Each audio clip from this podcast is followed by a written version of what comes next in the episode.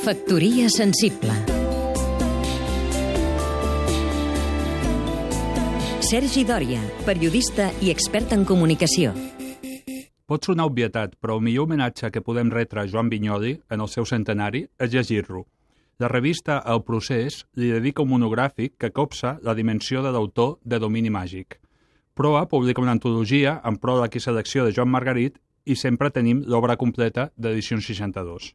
Com a poeta de socarreu, Vinyoli adverteix en un manuscrit recuperat al procés que no hi ha mètodes o manuals per aprendre poesia. Es defineix com a poeta de primera veu, en paraules d'Eliot, aquell que sols parla amb ell mateix o amb ningú. Si existeix un aprenentatge de la poesia, diu Vinyoli, és la lectura dels grans poetes. El propi Vinyoli va marcar el camí a Juan Luis Panero, recentment traspassat, L'admiració va portar a titular un dels seus poemaris amb el vers del mestre Juegos para aplazar la muerte. El Vinyoli, poeta, es va desvellar abans de la guerra, quan col·laborava amb Martí de Riquer i Ignasi Agustí a la revista Juventus. A les memòries, Agustí recorda Vinyoli submergit en els versos de Rilke i li agraeix l'admiració que van compartir per les estances de Riba.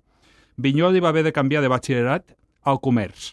Aquesta tensió entre vocació lírica i necessitats familiars el va marcar de per vida. Llegim Vinyoli i reconeixerem quan ens hem d'afrontar el repte del propi silenci. De cara a l'estiu prenem nota d'aquest vers. No sé què tenen de terrible les vacances, com un fantàstic terratrèmol imminent. Factoria sensible Seguim-nos també a catradio.cat